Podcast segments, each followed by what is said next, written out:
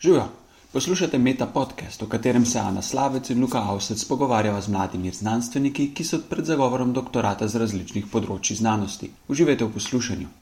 Živijo, Ana tukaj, z mano je magistrica Katarina Krapeš, predavateljica za področje prava na Fakulteti za management na Univerzi na Primorskem, ki zaključuje doktorat z področja avtorskega prava in pravnega urejanja znanosti. Tarina, pozdravljena. Pozdravljena, Ana. V doktorski disertaciji proučuješ načine zagotavljanja in evalviranja kakovosti v znanstvenih delih na primeru znanstvenih revij. Lahko za začetek, za poslušalce, ki niso vsi znanstveniki, opišeš proces znanstvenega objavljanja v revijah. Zakaj gre, kako poteka strokovna recenzija znanstvenega dela in tako dalje. Mana, najlepša hvala za vprašanje. Seveda, lahko na kratko samo povzamem to, kako poteka v bistvu bom rekla, obdelava članka v neki znanstvenih reviji, od takrat, ko, jo, ko ga avtor predloži v reviji, do takrat, recimo, ko je objavljen ali dokončno zavrnen. Zdaj, načeloma, v bistvu te predložitve člankov. Potekajo danes tako, da je v bistvu vse v sistemu neke elektronske oddaje. Tukaj ponovadi že založniki sami omogočajo tako storitev in na to potekajo preverbe. Preverbe načeloma v bistvu potekajo v uredništvu, zdaj to te preverbe so lahko ali strani akademskega dela uredništva, ali pa to naredijo tehnični uredniki na začetku pri samem založniku. Zdaj, v moji raziskavi sem ugotovila, da del revi dela po enem delu, pa v, pa v drugem sistemu. Članek je lahko zavrnen že po tem prvem pregledu. Tu se zlasti v bistvu najprej pogleda, ali je prišlo do kakšne podvojene objave. Tukaj so zlasti tisti članki, ki so vdani recimo na več revij, v presojo ustreznosti. Potem v bistvu včasih se preverja že čisto na začetku, ali gre morda za plagiat z različnimi recimo urodji, kot je Authenticate in druga urodja za preverjanje plagiata. Potem pa v bistvu so tudi bolj specifične preverbe, ki se nanašajo na sam članek in sicer prvi je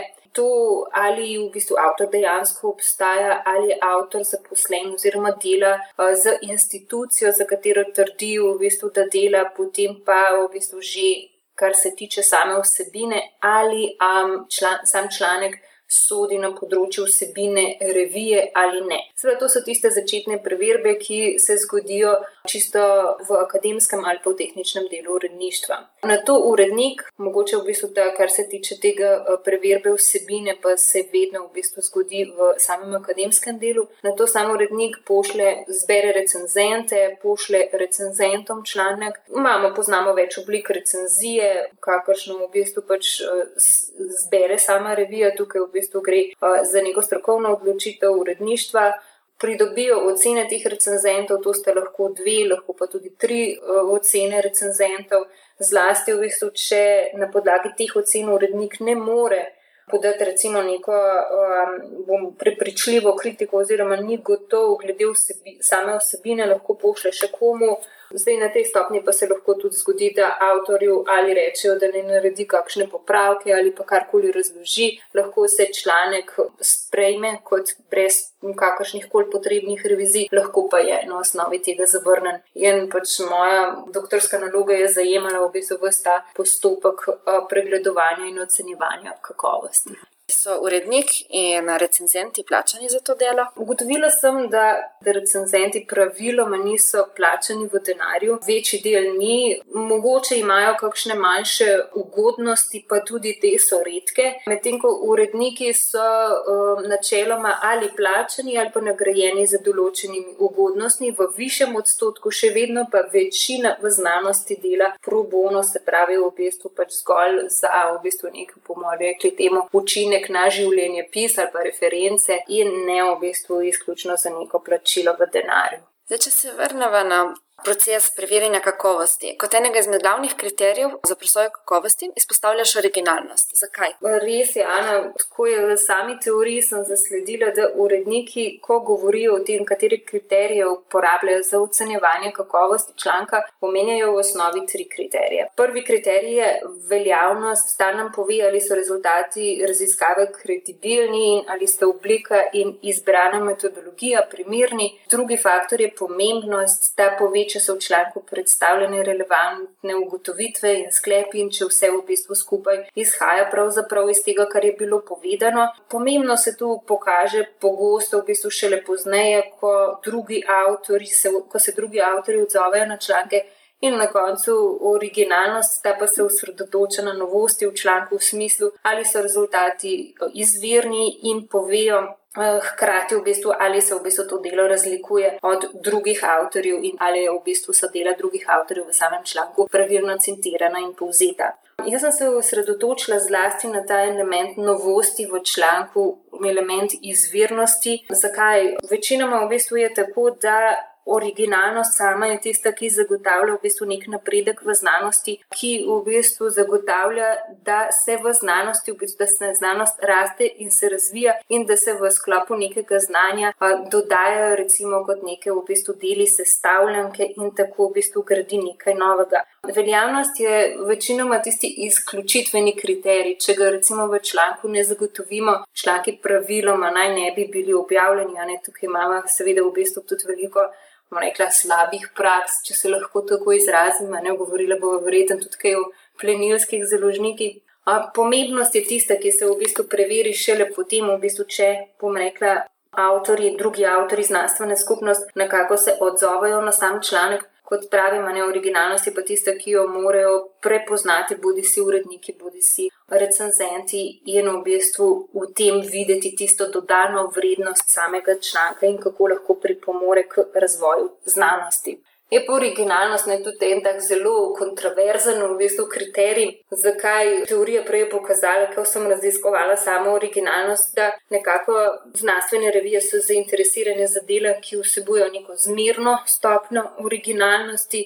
To pomeni ne preveč in ne premalo. Zlasti v bistvu starejše, dobro stoječe revije z visokimi faktorji vpliva so nagnjene k temu, da rade objavljajo dela, ki, so, ki imajo recimo en element, največ dva nova elementa elementa, torej originalna elementa. Tukaj v bistvu govorimo o originalnosti, ki se nanaša ali na opredelitev problema, ali na metodo, ali na rezultate. Zdaj je ne, v bistvu dva elementa, če sta nova, en do dva je v bistvu še sprejemljivo za tako revijo, trije pa je v bistvu že, že zelo rizično, kajti ni nujno, da se bo znanstvena skupnost na to v bistvu dobro odzvala. In kar se tega tiče, v bistvu se starejše revije raje izogibajo takim člankom.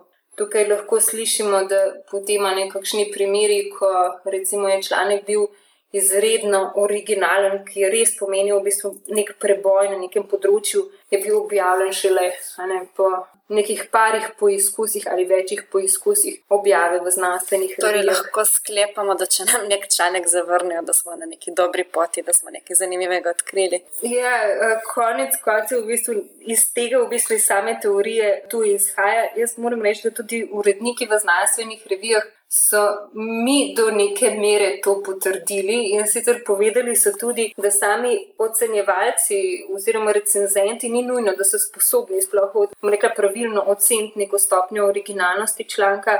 Zdaj, uh, To se kaže zlasti v tem, da raziskovalci zelo pogosto v bistvu ocenjujejo poleg originalnosti same vsebine osebnost teh raziskovalcev oziroma osebnost avtorja, ali jim avtor prijetna osebnost, ali v bistvu se z njim strinjajo, kakšen je njegov življenjepis, kakšne so pretekle dela. To je seveda v tistih primerih, ko v bistvu poznajo avtorja članka.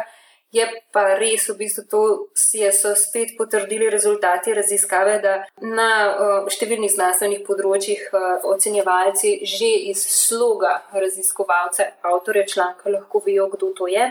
In pa zelo pogosto se ocenjuje čustveni odziv na sam članek in sicer ali je v bistvu bil članek zanimiv, ali je nekako prebudil raziskovalce oziroma se je zdel zanimiv, je bil presenetljiv, je izval razmišljanje samega recenzenta, kar spet ni nujno, oziroma spet nujno ne pomeni, v bistvu nakaže na originalnost. Tako da. Če v bistvu se v znanosti rado ustvarja prepričanje, da je proces ocenjevanja člankov, bom rekla, pravičen in legitimen, bom rekla, da so v bistvu uredniki revij pogosto izrazili dvom o tem, oziroma so večkrat povedali, da se morajo glede tega v bistvu vedno znova prepričati, da je tako. Prej si omenila problem teh plenilskih založnikov, ki so, pri, so pripravljeni za denar objaviti karkoli. V disertaciji si tudi opisala primer eksperimenta, kdo se boji strokovne recenzije. Tako je. Ja. Tej, uh, sam termin plenilskih založnikov je uvedel Jeffrey Bill. Gre za v bistvu akademika in bibliotekarja za Univerzo v Koloradu iz Združenih držav Amerike, ki je začel, mislim, da pred dobrimi 10-15 letih, mislim, da nekako v bistvu tja gre ta letnica, pregledovati oziroma identificirati slabe prakse založnikov. In sicer zlasti se je osredotočil na tiste, ki zaračunavajo avtorjem, in tu je v bistvu začel nastajati en tak seznam, a v bistvu tistih slabih praks ki recimo grejo od tega, da recimo revija ne pokaže na sami strani oziroma ne objavlja pregledno, kdo so uredniki, kdo so recenzenti, kje je locirana, komu se plačuje in podobno. To tega ne da v bistvu sploh ni nobene strokovne recenzije oziroma da revijo v bistvu zelo, zelo površinsko izvaja. In uh, revija Science se je, porotil, uh, se je pa lotila nekega projekta in se omenila si članek, kdo se boji strokovne recenzije. Gre za članek, ki je objavljen konec leta 2013. Avtor je John Bohannon in nanaša se na, um, bom rekla, slabe prakse ki se tičejo ne samo plenilskih založnikov, ampak nasplošno založnikov. In sicer kaj je naredil Bonano? Bonano je napisal članek, ki ga je povsem fabriciral. Gre za v bistvu članek na področju molekularne biologije in članek opisuje protirakotvorne lastnosti neke kemikalije zgleda v bistvu na prvi pogled zelo obetaven. Morano se je zelo potrudil, eh, da eh, je to tako, da je celo v bistvu dvem ločenim skupinam iz Harvarda preveriti, da bi bil ta članek na prvi pogled verodostojen, ko pa bi recenzent recimo malo. Pobliže pogledal, bi hitro ugotovil, da je iz tiste metode, oziroma na podlagi tistih rezultatov, nikakor ne bi mogel priti do sklepov, ki jih je navedel ponovno. Hkrati v bistvu je navedel tudi avtorja, ki ni obstajal iz afriške države oziroma inštituta, ki spet ni obstajal. Tako da v bistvu že en zelo površinski pregled članka bi moral zadostovati za to, da bi ta članek bil označen kot povsem neobjavljiv. Da, rezultati tega uh, so bili, mislim, da pres, so presenetili celo, mislim, da samega avtorja. Poslal je 304 uh, članke za presojo v 304 revijah. Pri tem je malo spremenjal tudi ime avtorja in malo je spremenjal naslov članka, tako da ni prišlo do podvojenih objav. Sam v bistvu članek je bil sprejet več kot polkrat, se pravi 157 revij je članek sprejelo, od tega večina, skoraj vse plenilske revije. Um, in v bistvu 98 krat je bil zavrnjen. Zdaj bom rekla, ti rezultati zlasti kažejo na odsotnost ali pa veliko pomankljivost strokovne recenzije, vendar žal ne, ne samo v bistvu v praksi tistih revij, ki so na bilovem seznamu, ampak tudi v bistvu kar obsežnega dela revij iz uh, baze oziroma spletnega imenika kakovostnih, načeloma kakovostnih revij in sicer to je Directory of Open Access Journals, tega pa vodi uh, Univerza v Lundu in naj bi načeloma zagotavljal v bistvu vsaj to, da gre v bistvu za strokovno recenziranje revije, ki v bistvu spet morajo prestati nek postopek preverjanja. Se pravi, v teh se je izkazalo zlasti, da sama recenzija v bistvu ni dovolj kakovostna. Zavrnitve so sicer v bistvu večini prišle, pa v bistvu s strani v bistvu tistih revij, ki so vključeni v Directory of Open Access Journals. Obenem v bistvu pač povdarjam, da so med tistimi, ki so članek sprejeli, tudi v bistvu priznani založniki z dolgoletno tranzit, uh, tradicijo, recimo LCV, Kluver in Sash Publication kar je sploh v bistvu bilo nekaj, kar je pretreslo potem znanost. Kakšne spremembe pa v recenzijski postopek prinaša uh, digitalizacija? Kako bi pričakovala, da zdaj, ko se nižajo stroški, da bi se morale tudi naročnine revije verjetno znižati? Ja, Ana, mislim, da tukaj um, je pravi, bomo rekli, arzenal izgubljenih iluzij celotne znanstvene skupnosti in sicer, ki je pričakovala, da bo digitalizacija prinesla zlasti dostopnejše in cenejše revije. Tukaj a, v bistvu je bila posredi tudi zakonodaja, zlasti na področju področju v bistvu varstva baz podatkov in v bistvu prilagoditev avtorske zakonodaje digitalizirani družbi. No, prva ne, je zaščitila baze na spletu in druga elektronske baze na splošno. No. In ta druga v bistvu ni nekako zagotovila ravnovesja med v bistvu varstve, varstvom pravic, torej pač avtorjev v, založ, v znanosti in na drugi strani v bistvu tistimi, ki so uporabniki, kar je pa, uporabniki, kar je pa spet znanstvena skupnost. Tako, ker naenkrat v bistvu smo soočeni s tem, da uh, imamo vrsto novih elektronskih storitev in seveda zelo olajšan elektronski dostop do v bistvu vsega gradiva za zelo visoko ceno, kajti v bistvu pač potem, ko smo vse to v bistvu postavili za neke elektronske, bom rekla, ovire in um, zadeve niso več prosto dostopne, je cena v bistvu teh novih produktov izredno narasla, v bistvu, ki je pretresljiv podatek, recimo, da se je med leti 86 in 2011, recimo to je podatek za ZDA in Kanado, strošek serijskih publikacij v znanstvenih knjižnicah povečal kar za 402 odstotka. To je realnost danes, in na tej podlagi se je potem v bistvu tudi začela ta zgodba z odprtim dostopom, kajti v bistvu pač tukaj je bilo samo še vprašanje časa, kdaj bo, se bo v bistvu znanstveni skupnosti zazdelo, oziroma kdaj bo znanstvena skupnost se dvignila glede tega, da sama ustvarja v bistvu ta avtorska dela, da sama prispeva recenzije in da je na koncu tudi sama uporabnica in zakaj v bistvu na ta račun založniki v bistvu kar za 402 odstotka ne povečujejo pač te uh, cene. Vidika potem v bistvu tudi razumljiv ta pojav piratstva kot na številnih drugih področjih. Tako je, ja, tukaj mogoče ja, kot posledica vsega tega Science Hub je ta najnovejši, v bistvu, primer. Tega je bilo že prej dovolj, vendar recimo pač primer Aleksandra Elbakijan v zdaj Rusiji, prej mislim, da je ona iz Kazahstana v osnovi, ki se je odločila, da bo pač um, odstranila vse te ovire v znanosti in omogočila dostop do 50 milijonov piratskih znanstvenih člankov, kaže zlasti na to, da bo boj na področju, bom rekla, odpiranja znanosti hud. Verjetno bi ga lahko preverili s tisto situacijo, ki, ga, ki jo imamo v glasbi. Kajti v bistvu tukaj zdaj trenutno ne toži, je v sodnem sporu z LSD-jem in bomo videli, v bistvu, kaj se bo zgodilo v tem postopku. Niso še v bistvu prav daleč, ne v bistvu gre za novo zadevo. Je pa v bistvu pač tukaj, bomo rekli, spet nek legitimen interes mlade znanstvenice, ki enostavno nima dostopa do v bistvu tistih člankov, uh, katere nujno potrebujejo, da bi v bistvu lahko sploh raziskovala. Sama si v okviru svojega raziskovalnega dela gostovala v Nemčiji na inštitutu Max Planck v Münchnu. Lahko mogoče poveš kaj več tudi o tej izkušnji in kako je vplivala na tvojo raziskavo? Res je, pol leta sem bila na uh, Max Planckovem inštitutu za inovacije in konkurenčnost. Kaj to omogoča, zlasti prvič, v bistvu zle, um, ironično, ne dostop do vsega tega gradiva, kar smo pač rekli že, da je problem uh, v okviru Science Hub projekta. Potem pa ne samo to, ali tudi dostop do, bom rekla, znanstvenikov iz vsega sveta na tem področju in številnih zanimivih pogovorov na temo.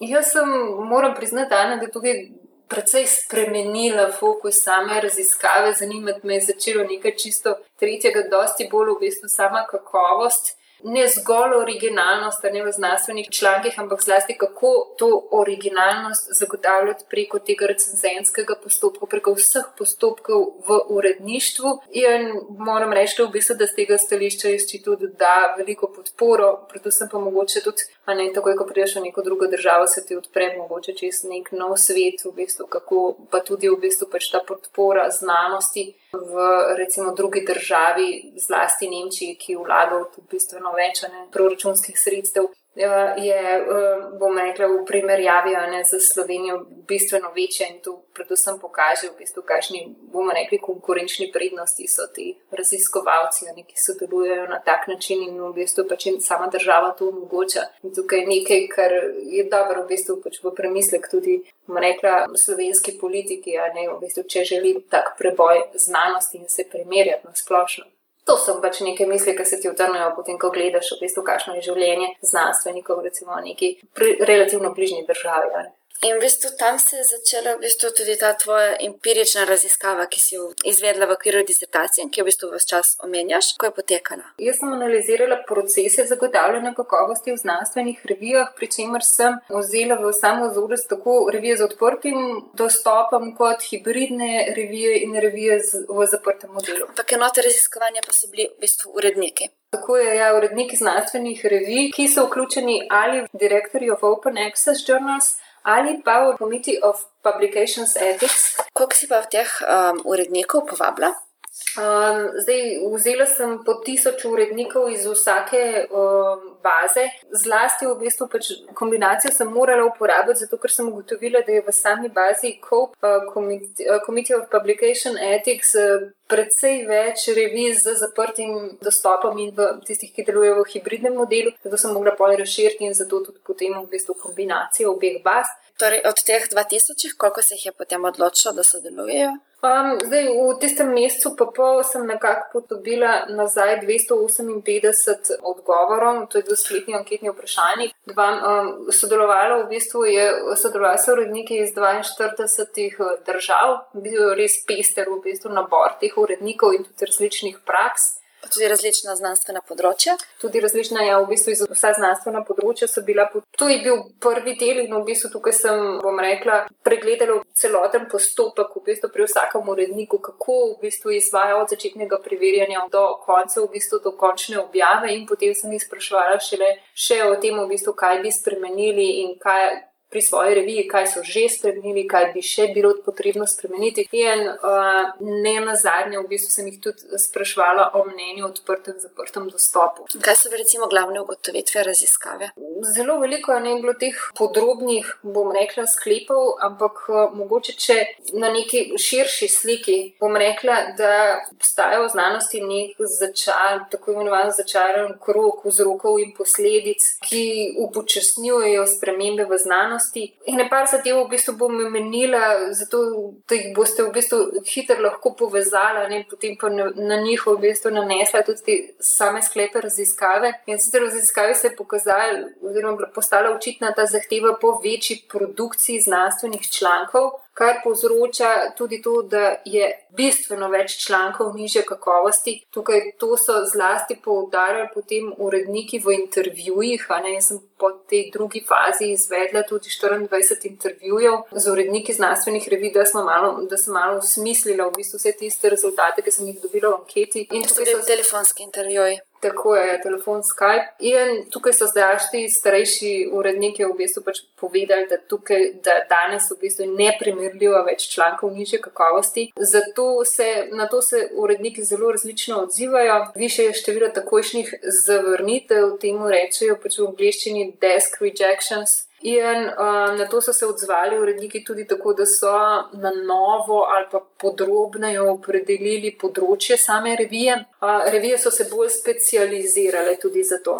Posledica seveda je razcvet plenilskih založnikov, s tem, da ta pojem samih plenilskih založnikov se je v raziskavi pokazal bolj kontroverzen, kot recimo je ko recimo beremo v bistvu znanstveno literaturo, ni tako lahko ugotoviti, ne, v bistvu, kdo so in kdo niso, oziroma opredeliti te plenilske založnike. Samo dejstvo, da je nekdo slabo izvedel strokovno recenzijo, še no, neko revijo slabo razvedla, recenzijo še ne pomeni, v bistvu, da gre nujno za pleninsko revijo, da je tukaj v bistvu pač treba kar dolg časa spremljati revijo, da lahko tako ocenimo. Pokazala se je velika preobremenjenost uredništev in potem seveda recenzentski proces kot osko grlo v evalvaciji kakovosti člankov. Ko se je to pokazalo, zdaj, če pogledate, ne, da je število člankov dosti večje, kot je bilo nekoč. In potem v bistvu, da za vsak članek potrebujemo dva ali tri strokovne recenzije, ne je zelo hitro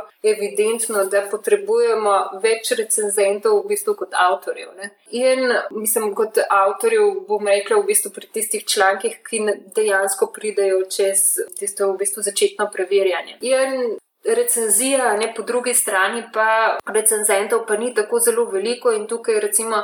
Eh, tukaj so omenili uredniki, da jim pomaga samo grajenje skupnosti, kar pa je spet problem, ker ni časa, se pravi, tukaj je potem ta začaran krug. In pomankanje časa se kaže, oziroma kot posledica v bistvu je, da ni prenosa znanja na mlajše avtorje. Z mladimi avtorji, pa avtorji na začetku njihove strokovne karijere, karijere v znanosti, se, kot v bistvu so se izrazili uh, uredniki znanstvenih člankov, skoraj nišče ne ukvarja. Tukaj, recimo, pri, bom rekla, bolj, celo bo, pri bolj kakovostnih revijah, celo dobijo morda uh, več priporočil, kot recimo pri tistih, ki se še borijo z razne faktorje, ker tisti pa sploh v bistvu nimajo časa, da bi se um, poglobili v to. Um, Kaj bi bila potem tvoja priporočila znanstveni skupnosti na podlagi teh ugotovitev? Zlasti v bistvu se je pokazala potreba po spremembi sistema za nagrajevanje strokovne uspešnosti v znanosti.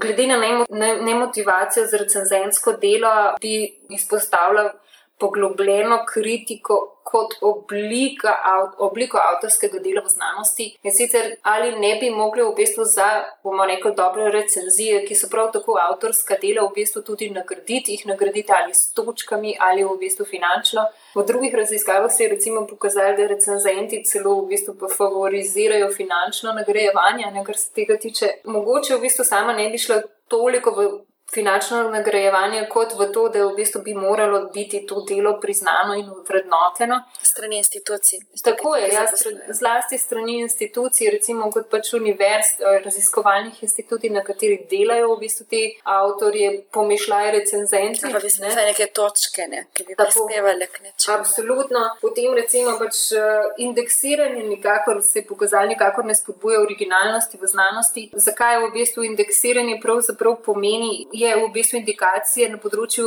vplivnosti revije, ki pa v bistvu ori, ne v bistvu spodbuja originalnosti kot take, ampak v bistvu pač zelo, bom rekla, ukalupljeno originalnost. In zato je, bom rekla, primerna, kar se tiče recimo na področju promocije revije, marketinga, za kar jo večina v bistvu urednikov tudi smatra kot primerno, sicer pa niti v bistvu faktor vpliva niti ne vidi kot ustrezen signal kakovosti, ampak bom rekla, bolj v bistvu dela na marketingu revije to tudi zelo pokazajo, recimo, da faktor vpliva pridobivajo zlasti uredi, revije, v bistvu, ki jih izdajo znani, v bistvu večji založniki, ker zlasti založniki vlagajo v bistvu ta trud. V vključevanju v sisteme, v bistvu same indeksacije. Ta ne ima promocijski pomen, kar se tiče pa kakovosti, bi bilo morda zanimivo razmisliti o um, sistemu akreditacije revij. Nekaj podobno kot recimo na področju šolstva, kjer se dejansko pogleda cel uh, proces evalvacije kakovosti. In se ocenjuje tudi, v bistvu, v katero smer in kako dela uredništvo, katere spremembe je uvedlo, v bistvu, kako postopa, potekajo postopki na vsaki ravni, ne tega, kar sem omenila. Potem, v bistvu, pa mogoče še en sklep, ki je, moram reči, da na nek način zbuja tudi odpor. Jaz sicer sem malo glede tega presenečena, ampak recimo pač na podlagi te raziskave se kaže, da znanost potrebuje kakovostne založniške storitve, vendar naj bojo te zagotovljeni za primerno ceno. Zakaj znanost potrebuje založnike?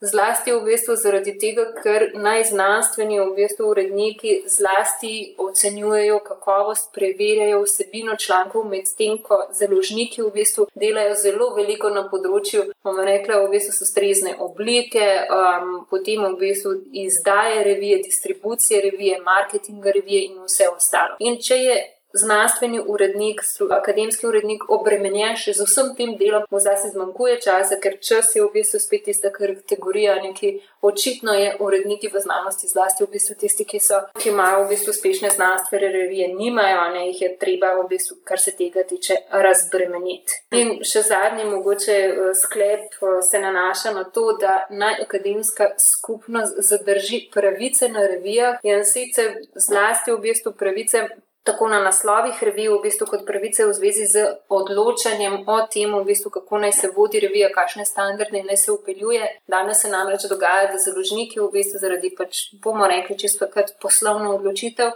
Ustanavljajo revije, postavljajo urednike recimo za leto ali dve, ti v bistvu imajo pogodbo z založniki in pravzaprav v bistvu za nje opravljajo storitev urednikovanja osebine, kjer seveda v bistvu so motivirani za to, da pač sledijo navodilom, bom rekla, založnika, kar v bistvu kaže na neko določena stopnja sprevrženosti sistema. Ne? Tukaj v bistvu je sistem, kjer je akademska skupnost tista, ki odloča v zvezi s standardi, skoraj v bistvu nujnost za to, da bi v bistvu zagotovili, še naprej zagotavljali ohranjali v bistvu kakovost v znanstvenih revijah. Zdaj, za konec imam v bistvu še dve kratki vprašanji poslušalcev. Roman sprašuje, kaj se zgodi v primeru nekega umika revije, da se ugotovi nek, neke hujše nepravilnosti. Kakšna je potem tukaj praksa? So uredniki povedali tudi kaj o tem v raziskavi? Verjetno misliš na umik nekega članka? Ja, Pa ja. če se izkaže, Ja, ja, če ja. se izkaže. Moja raziskava se sicer ni osredotočila na sam umik člankov, sem pa naletela na, v bistvu v intervjujih, zlasti na to, recimo, ko avtorstvo ni bilo ustrezno navedeno in se je drugi avtor pritožil, da je on v bistvu prvi avtor. In uh, v tem primeru je uredništvo, uh, je urednik rekel tako, da ima on načeloma v bistvu popolnoma svo, popolno svobodo odločiti v zvezi s tem, da se je posvetoval s vsemi deležniki uh, v tistem sporu in da so na koncu potem sprejeli sklep, da bodo objavili popravek. So pa omenili tudi, da se pogosto javno ali pa v reviji ne izpostavlja, bom rekla, v bistvu pač nekih dokončnih sklepov revije, razen v bistvu, če se prav pride do tega, da se objavi popravek. Na to sem naletela, na kaj več, v bistvu bi pa težko rekla, da, se, da lahko sklepam na podlagi te raziskave. Potem pa še uh, Katja sprašuje, uh, zakaj to, da se recimo neka hipoteza uvrže, zakaj to ni objave vreden dosežek? Ali so recimo uredniki v raziskavi tudi kaj komentirali to? Predvsem je recimo tukaj, to je trditev, ne, bom rekla poslušalke, ki bi jaz raje v bistvu postavila kot vprašanje, ne, ali v bistvu pač uredniki smatrajo to za nekaj objave nevrednega. Jaz bi k večjemu v bistvu iz, tizega, iz teh razgovorov z uredniki rekla, da je obratno, ne, da če so uredniki prepoznali, da je to, bom rekla, zelo objave vredno v smislu, da je originalno bilo vprašanje, pa se je izkazalo, da recimo določena smer, smer raziskovanja pač ne daje rezultatov, da je to pomemben dosežek, ne, če je v bistvu pač v skladu, če je potrjena veljavnost raziskave in v bistvu, če v osnovi gre za originalen članek, nisem zasledila, da bi to lahko povzročilo v bistvu, bom rekla, nezainteresiranost urednika. Nič v raziskavi ni kazalo na to.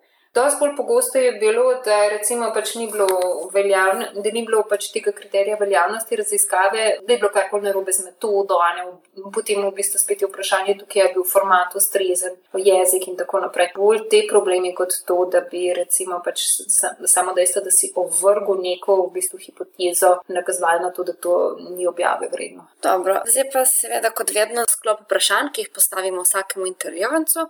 Kaj bi bila, če ne bi bila znanstvenica, kakšne so bile tvoje alternative ob upisu na univerzo? Moram priznati, da sem razmišljala med eh, arhitekturo, nekako sem, nisem vedela, kaj bi, ne takrat arhitektura se je je zgledala mikavna in pa še psihologija, mislim, da. Vendar sem se na koncu vseeno odločila za pravo, tako da evo, danes pravo in znanost nekako boje skupaj. Koga od nam znanih ali neznanih osebnosti bi povabila na večerjo, če ne bi bilo nobenih omejitev? Jo, ne, jaz takoj, ko sem videla to vprašanje, še zmeraj moram priznati, da ne znam odgovoriti na to.